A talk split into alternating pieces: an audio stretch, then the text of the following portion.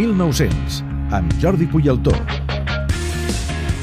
I em sembla que el d'avui no és un nom qualsevol, us sonarà moltíssim, perquè és un dels grans noms de la història, m'atreviria a dir, del futbol. Jordi Puyolto, bona tarda. Molt bona tarda. Resulta que amb un espanyol llevant, què va passar de fa uns quants anys? Pues, concretament, en la temporada 63-64 debu va debutar amb l'Espanyol a un jugador que es deia Ladislau Kubala. Home, aquest és segurament dels més importants de la història de, de l'Espanyol, vaja, sens dubte. A, Sí, a la sí. recta final de la seva carrera, de oi? l'Espanyol i de, jo crec que del futbol mundial. Home, Sí, nosaltres sí. li fem una secció, fins i tot el tot gira, del gol Kubala, on triem cada setmana el millor gol Exactament. en honors a seu. Imagina't si és important. Doncs eh, tornem a la temporada 63-64. A la- Recordem que la 62-63 a l'Espanyol estava segona, va pujar a primera divisió amb aquell gol que vaig explicar d'Idígoras amb el nas, i un cop ja a primera divisió, eh, consumat a l'ascens, i sota la presidència de Josep Fuster Noguera, que era el president a llavors, eh, va donar a aquest home les instruccions pertinents al presi- vicepresident, que era Vilar Reyes, per reforçar l'equip. L'equip va reforçar amb uns jugadors importants d'aquella època, com eren Tejada, Maguregui, Carranza, Chico Ramírez i Catxas, però el fitxatge estrella d'aquella temporada va ser ni més ni menys que l'Adislau Kubala, el qual havíem donat al al Barcelona feia poc El temps. Maguregui, que dius, és el que va ser entrenador després a l'Espanyol? A través de l'Espanyol, sí, bé. que era Mau- Mauri Maguregui, la mitja del, de l'Atlètic sí, sí. de Bilbao. I escolta'm, el Kubala venia del Barça o no jugava a aquella època? Sí, sí, no, no, havia deixat el Barça molts problemes a l'esquena i feia dues, dues temporades que no, que no jugava. Però es va recuperar d'aquesta lesió i li va demanar al Barça tornar a jugar. El Barça li, li va dir que no, es va enfadar moltíssim perquè ell el que volia jugar i tenia, tenia ofertes per entrenar i per, per jugar. Però l'Alejandro Scopelli, que era el director tècnic de l'Espanyol, que era amic seu, mm, va veure que volia tornar a jugar, li va fer l'oferta per jugar a l'Espanyol i, i va acceptar. Va el de acceptar. l'oxigen, eh, l'Escopeli. A l'Escopeli, exacte. Clar, Mm. Kubala tenia 36 anys, es trobava bé i la seva il·lusió, a part d'una qualitat inqüestionable, era ell volia jugar, no? Però clar, per no tenir despesa per l'Espanyol va dir que volia jugar com a amateur. Mm. La Federació Espanyola no ho va admetre i li va obligar a l'Espanyol a, fer, a redactar un contracte de mínims en el que Kubala va fitxar per l'Espanyol a raó de 500 pessetes mensuals. És a dir, que estaríem parlant d'un cas similar al de Beckham amb el Paris Saint-Germain. Exacte, eh? i llegit que l'han obligat al Paris Saint-Germain a jugar per un mínim de 2.000, 2.200 Ah, euros, doncs- pues és el que va passar al 63-64. I Kubala, Kubala va, va fitxar per l'Espanyol, naturalment, m'estava identificat en la ciutat, i el 15 de setembre, després d'un terratèmol informatiu per part de la premsa, certa premsa de Barcelona, perquè, clar, fitxes per l'Espanyol va ser... El van Home, era, era una i notícia tal, que Déu-n'hi-do. doncs el 15 de setembre eh, venia el primer partit de Lliga, doncs era contra el Llevant, l'equip que ens visita avui. El partit va acabar 4-4.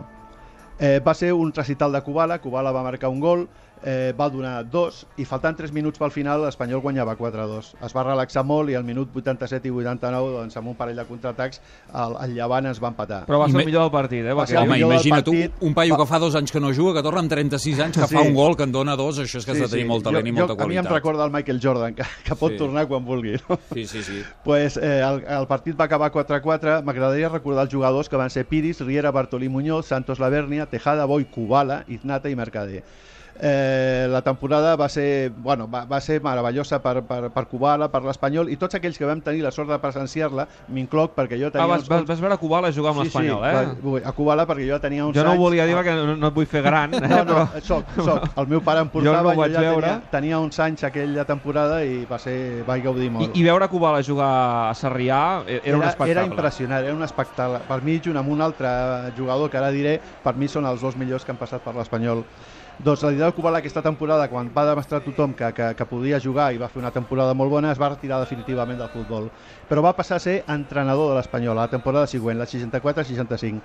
I llavors tenia un molt bon amic que va, va, va, ell el va fitxar, que va ser Alfredo Di Stefano. Home, Home, un, un que va arribar a la temporada següent i va estar dues temporades més. O sigui, el va entrenar però no van jugar junts, No eh? van arribar a jugar junts, no van arribar a jugar junts, però eh, van jugar a l'Espanyol, al Kubala i Alfredo Di Stefano, que per mi són dos dels millors jugadors a, a nivell mundial. eh, Que has pogut veure jugant a Sarrià. I a més, disfrutant, doncs, vaig veure tots dos com eren. Per això dic que tant de bo que recordar aquesta història de l'Espanyol llevant doncs faci que avui doncs, puguem aconseguir una victòria recordant aquells moments tan, tan meravellosos. Quines coses que té la història del futbol. En un espanyol llevant de l'any 63 va debutar Kubala amb la samarreta blanca i blava. Avui podríem dir que debuta Mationi, però no el compararé eh, perquè no es pot comparar. Però vaja, espero... Ja afirmaria que avui Mationi marqués Sí. un gol i en donés dos, com ho va Exacte. fer Kubala en aquell partit 4-4. Entreu, per cert, al Facebook del Tot Gira perquè hem penjat a una caricatura de l'època amb, amb Sí. Kubala, eh, veient-se... de, de la revista Vida Deportiva en la que es veu veu signant el contracte, un bitllet de 500 pessetes a sobre la taula i un munt de bolses de diners que li aporten el Murcia, el Torino, la Els Juventus, equi- els equips que i que vol descartar tot. És una caricatura d'Escobar que és realment molt bonica. Per cert, eh, deixa'm que només et pregunti, Sí. ja que tenim aquí a l'avui a la cabina, ha mort aquesta setmana Agustí Faura, eh, Agustí jugador i exentrenador oi, de Sí, l'Espanyol. exactament. Anys 50, oi? Any 50, va arribar a l'Espanyol a la temporada 53-54, eh, va estar sis temporades fins a 58-59, va jugar en total 147 partits de Lliga, va marcar 7 gols.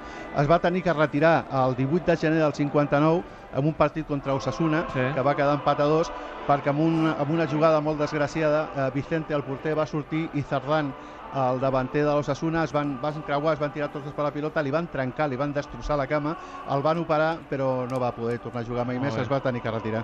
Molt bé. Doncs l'Agustí Faura, que, que mor aquesta setmana i bé, aprofitant que teníem el Jordi Puyol, hem volgut recordar alguna cosa de més d'aquest exjugador i exentrenador del, de l'Espanyol. Doncs una abraçada per la família de l'Agustí, també per la família Perica. Jordi, Molt bé. moltíssimes gràcies. A vosaltres, Que no plaer. pateixis i que guanyi l'Espanyol avui contra el Molti- Llevant. Ah, Així ho esperem, gràcies. Dos minuts i a les 8 ja surten els jugadors. Albert, recorda'm l'11 de l'Espanyol pel partit d'avui.